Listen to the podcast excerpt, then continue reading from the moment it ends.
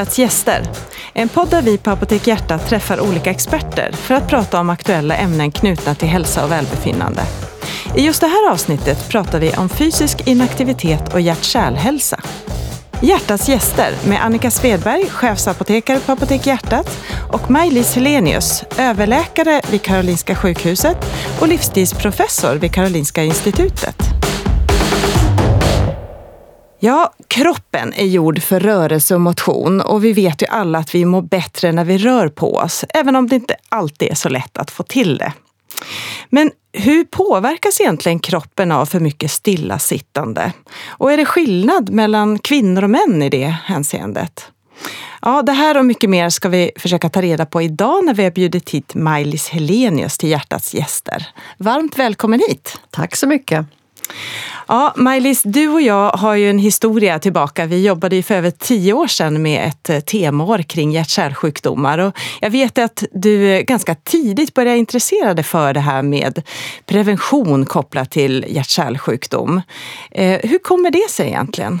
Vad var du intresserad av särskilt då?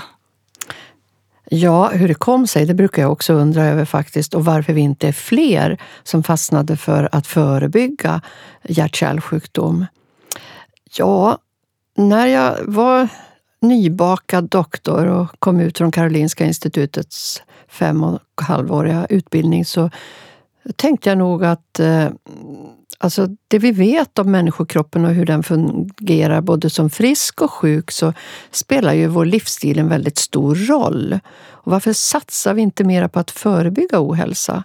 Sen så förstärktes det där när jag började jobba som läkare och jag minns till exempel en, ett, det är ofta enstaka händelser som gör starkt intryck på en. Och jag kommer ihåg när jag vikarierade som narkosläkare en sommar på Löwenströmska. Och där låg en ganska ung kille med hjärtinfarkt. Mm. Han rökte, han snusade, han hade höga blodfetter. Och då kom jag ihåg att jag tänkte att men, det här är ju så onödigt. Vi vet ju vad hjärtinfarkt beror på, väldigt mycket i alla fall. Mm. Och ja, stärktes i den här önskan att eh, arbeta mera förebyggande. Och så mm. blev det. Ja. Och det man har jobbat med väldigt länge, som du och jag också jobbade mycket då med för tio år sedan, det var ju det här med rökavvänjning och, eh, och även kosten. Men det som man har pratat mer och mer om nu på senare tid, det är ju just fysisk inaktivitet, att man rör sig för lite. Ja. Och hur är det egentligen med det här hos oss i Sverige? Hur mycket Sitter vi egentligen stilla och hur påverkar det kroppen? Vi sitter väldigt mycket. Och eh, om man till exempel läser den senaste europeiska undersökningen om europeers rörelsemönster. Den eh, gjordes i slutet av 2013 och blev klar och presenterades 2014. Och då hade man gjort 28 000 intervjuer av människor i EU-länder.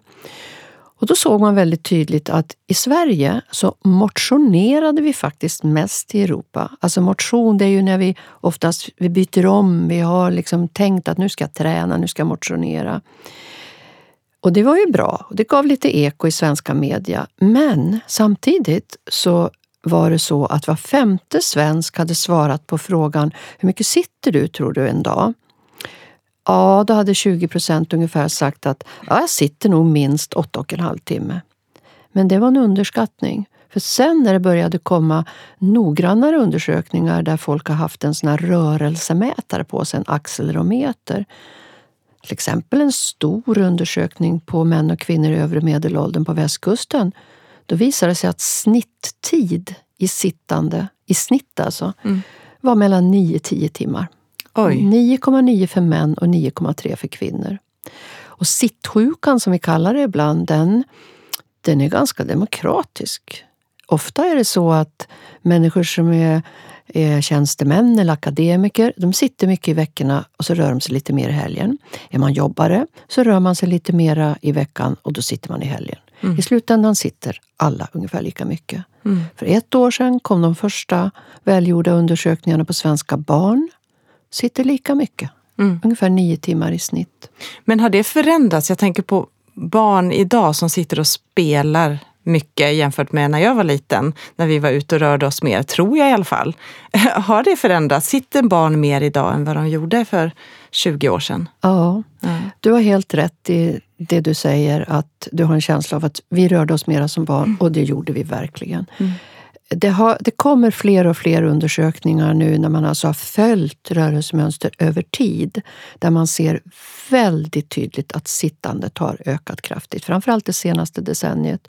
Och skärmtid, då, den tid som vi tittar på en skärm, och det mm. gör vi ofta sittande, det har ökat kraftigt. Mm. Hos alla, mm. men väldigt kraftigt eh, hos barn. Mm. Det är mm. fascinerande för att den här europeiska undersökningen då, som i och för sig då byggde på frågor, vad folk svarade på frågor. Där såg man att i norra Europa så satt vuxna mycket mera än i Portugal till exempel. Men barn, hos barnen så sitter ja, nästan alla barn över hela världen sitter ungefär lika mycket. Och det beror ju väldigt mycket på iPhonen, iPaden, alltså skärmen. Mm, ja. Och hur påverkas då kroppen av det här stillasittandet? Ja, har kommit, det här är ett snabbt växande forskningsområde och vi vet väldigt väl idag att framförallt när vi sitter länge utan avbrott då stänger vi av en massa system i kroppen skulle man kunna säga. Vi putsar inte längre in socker i cellerna där det ska användas som bränsle och då stiger blodsockret. Vi tappar förmågan att bryta ner våra blodfetter. Och sen någonting som är ganska nytt.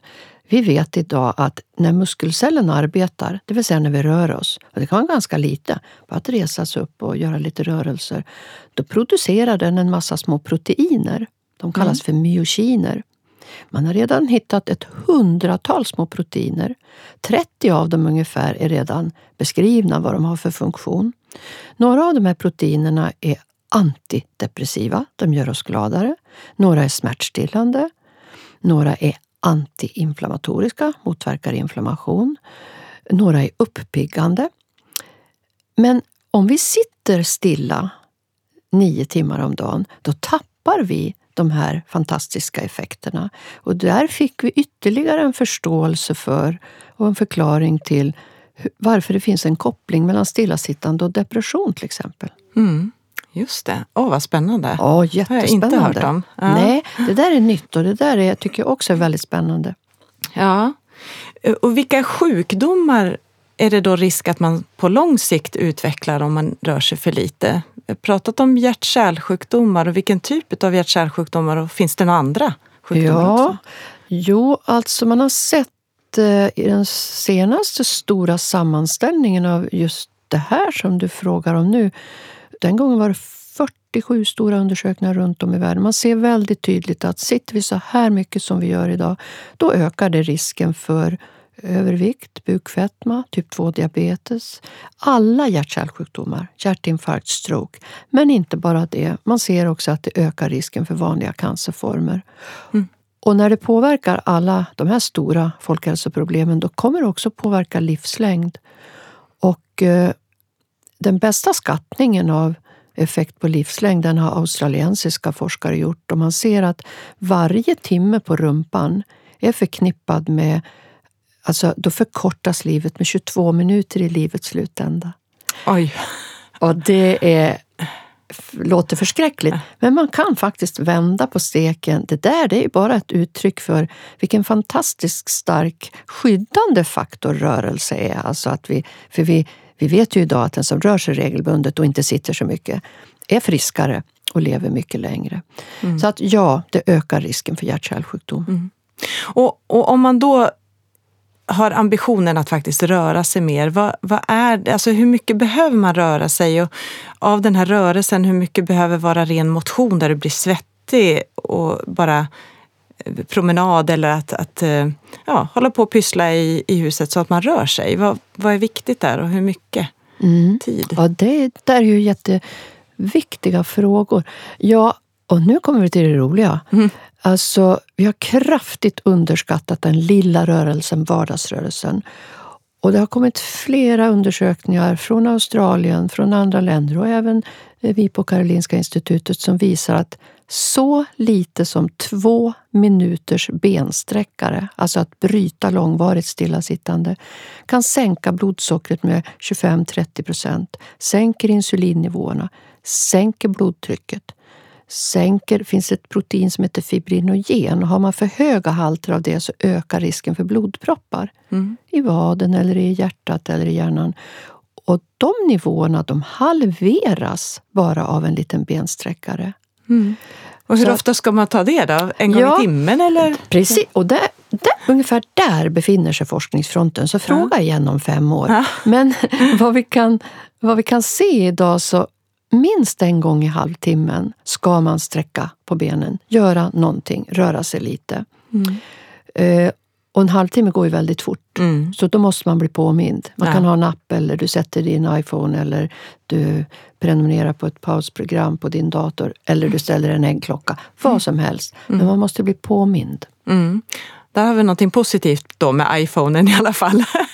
att se till att påminna Precis. om rörelse. Ja, för det, jag vet ju själv när man sitter på jobbet och, och har helt försvunnit in i ett dokument man håller på att skriva, att då går timmarna. Eh, ja. Så då är det viktigt att kunna bli av påmind där. Mm. Och du har rätt i att, jag menar vi ska inte vrida klockan tillbaka, det kan man inte.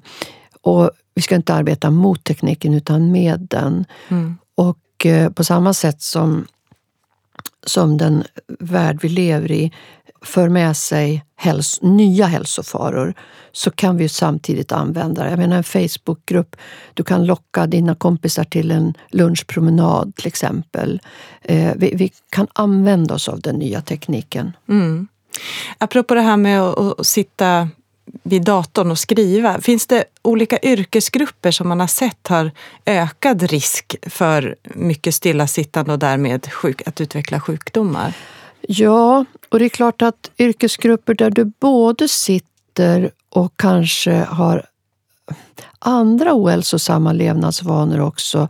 Jag tänker ofta på en arbetsgrupp som är utsatt det är chaufförer. De har ett sittande jobb. Det är ofta stressigt, du har tider att passa, trafiken trasslar till dig för dig och det kan vara svårt att eh, äta regelbundet och äta bra. Så att vissa grupper är mera drabbade och då är det ju oftast inte bara stillasittandet utan andra, andra risker också. Ja, just det. Och mellan kvinnor och män då? Finns det skillnader där? Ja, där är sittsjukan faktiskt mm ganska demokratisk. Men, eller ja, den drabbar båda menar jag. Men eh, det finns ju skillnader naturligtvis. Och en skillnad är ju att eh, när kvinnor kommer i menopaus, det vill säga vid ungefär 50-årsåldern när menstruationerna försvinner, då sker ganska drastiska förändringar i kvinnans kropp. Hormonella förändringar som också leder till att eh, till exempel blodfetterna försämras. Det goda kolesterolet sjunker och det onda stiger. Och, och så tappar kvinnan muskler. Och så är det någon gång man ska börja styrketräna, då är det när man är 50 plus. Därför att vi behöver muskulaturen, inte bara för att kunna röra oss och vara starka och kapabla, utan till exempel det här jag berättade om att musklerna är som ett helt apotek förresten, var det en journalist Jaha. som sa en gång. Det finns en massa bra saker som kroppen mår väl av. Eh, så, och där finns en skillnad. Mannens hälsa förändras också när han blir äldre, 50-60, men det sker, det sker ganska tydligt hos kvinnan. Mm. Det ska jag ta med mig. jag befinner mig just där. Ja. ja. Du nämnde det här med att chaufförerna också är utsatta för en hel del stress. Och det finns ju också i, andra yrkesgrupper och av andra skäl som inte har med jobbet att göra heller. Men hur påverkar det hjärtat och kroppen? Ja, med den här nya kunskapen som växer fram nu så förstår man ju att, att sitta och samtidigt vara stressad, det är en farlig kombination. Och vi vet ju också att motion eller rörelse, och, och det kan räcka med att promenera, det har effekt på alla stresssymptom.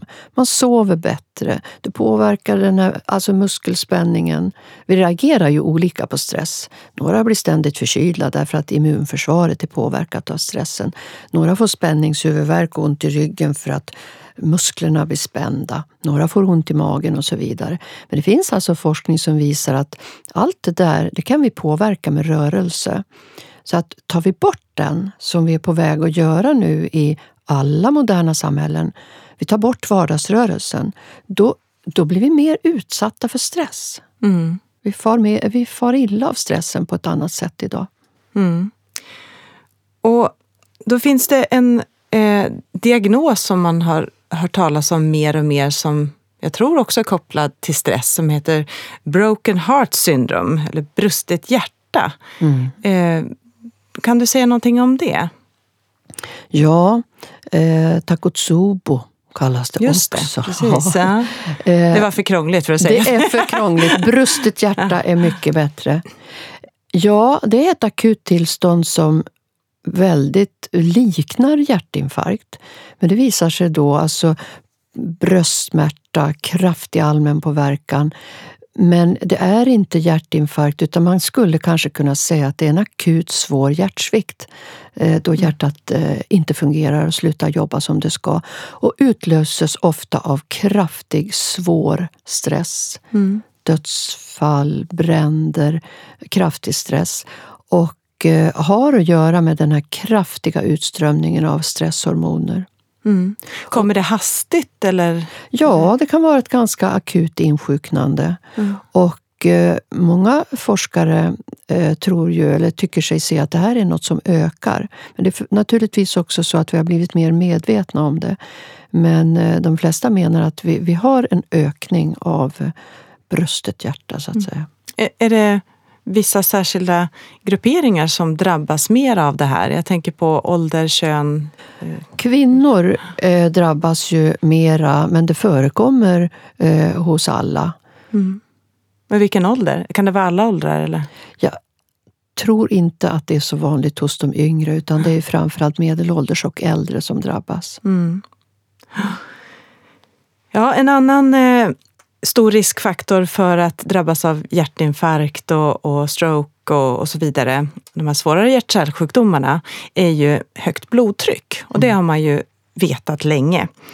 Men hur påverkas just blodtrycket av fysisk inaktivitet? Blodtrycket stiger ofta om man är väldigt fysiskt inaktiv. Och man kan vända på steken också och eh, det är väl belagt. Det finns mycket, mycket forskning som visar att ökad fysisk aktivitet är en bra blodtryckssänkare. Mm. Och vi använder ju idag fysisk aktivitet på recept. Just det. Eh, har blivit vanligare och vanligare, äntligen. Mm. Eh, och ganska ofta mot just högt blodtryck. För högt blodtryck är vanligt i den svenska befolkningen och framförallt vid de här lätt och måttligt förhöjda blodtrycken som kanske också är kopplade till lite övervikt, bukfetma, eh, stress så brukar fysisk aktivitet ha en god effekt. Mm. Och det fina med fysisk aktivitet på recept är ju att man man blir lite exaktare när det gäller vad ska jag göra, hur länge ska jag hålla på och hur hårt ska jag ta i. Mm. Och det är viktigt när det gäller eh, högt blodtryck, mm. att man inte tar i för hårt till exempel. Ja, Så fysisk aktivitet på recept handlar mm. om att, att läkaren beskriver vad det är som du behöver göra när det gäller fysisk aktivitet, är det så? Mm. Ja. Det är bra att du tar upp det. Jo, alltså det är ju all legitimerad hälso och sjukvårdspersonal kan skriva ett recept Oftast finns det numera i den datoriserade journalen. Man printar ut en lapp, eh, skriver vad. Och det här gör man ju förstås i dialog med patienten och beroende på hur högt blodtrycket ligger och hur man mår för övrigt. Och då kan det vara till exempel promenader, att man kommer överens om att eh, om du har varit hos mig idag och har lite högt blodtryck att eh, du kanske ska promenera upp till en halvtimme om dagen och sen ses vi igen om sex veckor och kollar blodtrycket. Men det kan också innebära att man eh, går till eh, någon gympaförening till exempel som finns där du bor eller ett gym. Farledare kallas de som jobbar med att ta emot människor som har fått fysisk aktivitet på recept. Mm. Just det. Om man ändå inte lyckas få bukt med sitt höga blodtryck, Naturligtvis måste det här vara första steget att försöka påverka genom eh, olika sätt att leva, både när det gäller eh, stress och, och, ehm, och, fysisk aktivitet. Men om det ändå inte lyckas, om du ligger högt, vad gör man då? Ja, då ska vi använda oss av våra mediciner naturligtvis. Mm. Och man ska ju komma ihåg att det är absolut ingen motsättning mellan livsstilsförändring, ökad fysisk aktivitet och medicinering. Vi ska använda alla medel vi har för att förebygga och behandla sjukdomar. Men idag så finns ju råd om livsstil alltid med som eh, i, i grunden. Mm. Och något annat som, som man också pratar mycket om för att undvika att drabbas av hjärt-kärlsjukdomar, det är ju kosten. Nu har vi berört väldigt mycket om, om fysisk aktivitet, motion och så. Men kan du säga någonting om kosten som är viktigt mm. för hjärtat? Kunskapen om mat och hälsa, kost, det har ökat väldigt mycket. Vi är uppe i ungefär tre miljoner studier om mat och hälsa. Och faktum är att de kan man trycka in i en pyramid till exempel. Mm. Om man tänker sig en, en pyramid med en bred bas då, och i basen så är det fullt med grönsaker, ärtor, bönor, linser. Det är nötter, mandel, det är knäckebröd, det är massor med sallad, gröna blad, färska kryddor. Det är frukt, det är bär. Jag glömde jag säkert. Ja, lök, potatis, lite pasta. Mm. Och så är det en stor tjock flaska med fett, men det är vegetabiliskt fett. Det där ska vi äta mycket, mycket mer av. Sen smalnar pyramiden av lite grann och där kommer något från havet. Det kan vara fisk, lax, eh, torsk, räkor, musslor. Och det där borde vi äta lite mer av. Sen blir pyramiden ännu smalare och där uppe har vi det där som vi gillar så mycket i norra Europa och som vi äter lite för mycket av. Där har vi våra mejeriprodukter, ost, och yoghurt, där är kycklingen och där är äggen. Det där finns med i ett hälsosamt eh, sätt att äta, men inte så mycket som vi äter. Sen längst upp i pyramiden, och då är det jättetrångt, där ligger den röda köttbiten. Och allra längst upp är det en lösgodis. bara en! ja, det är bara en. Men det är viktigt att den ligger där. Mm. För det finns plats för lite socker. Mm. Och det finns plats för våra mejeriprodukter. Men pyramiden står tyvärr upp och ner i Sverige mm. fortfarande. Mm. Eh, vi måste vrida den tillbaka. Och, och då tänker jag ibland att det behöver inte vara så svårt. Tänk tvärtom. Tänk att grönsaker är mat. Och så mm. lägger vi till lite fisk, kyckling eller en bit kött ibland. Mm. Ja, nu har vi suttit ganska länge här och, och ja, pratat. Tack, tack för påminnelsen. Tiden går fort när man pratar om något som är spännande och intressant. Då ja. måste vi göra en Kiruna. Oj, vad är det för någonting? Ja, i Kiruna lärde jag mig i Kiruna. Aha. Eh, var där och föreläste om stillasittande och så berättade en kvinna som jobbade i Kiruna kommun att hon jobbade i ett projekt för gamla tanter. De gjorde hembesök. Mm. Och så hade hon mött en gammal kvinna som var väldigt vital. Och tanten hade sagt så här, jag tror jag vet varför jag har blivit så gammal. Jaha, vad då, då? Jo, varje gång jag sätter mig så sätter jag mig tio gånger. Och jag tror tanten hade rätt, så nu reser vi oss och sätter oss tio gånger. Okej. En, två, tre, fyra, fem, sex, sju, åtta, nio, tio. Och eh, ja, men alltså, jag tror att tanten hade rätt för det där är en jätteenkel bra form av att, att bryta stillasittandet. Mm. Pulsen går upp lite grann och vad vi gjorde nu det var att vi tränade kroppens största muskler, lår och rumpa. Då skulle vi kunna bryta ner 60, 70, 80 procent av blodsockret. Så gör en Kiruna en gång i halvtimmen. Ja. Men du, om, om du skulle skicka med några tips och råd till våra lyssnare på några få saker att tänka på och ta med sig som gör att hjärtat mår bättre och gör det längre.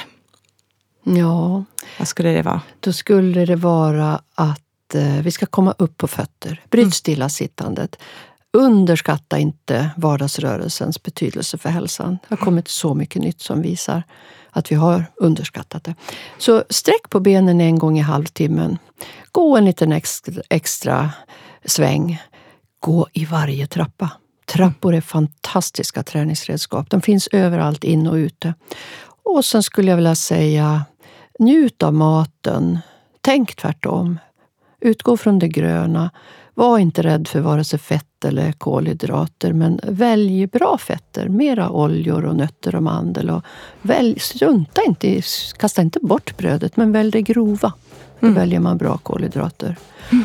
Och att man ska försöka njuta av livet. Mm.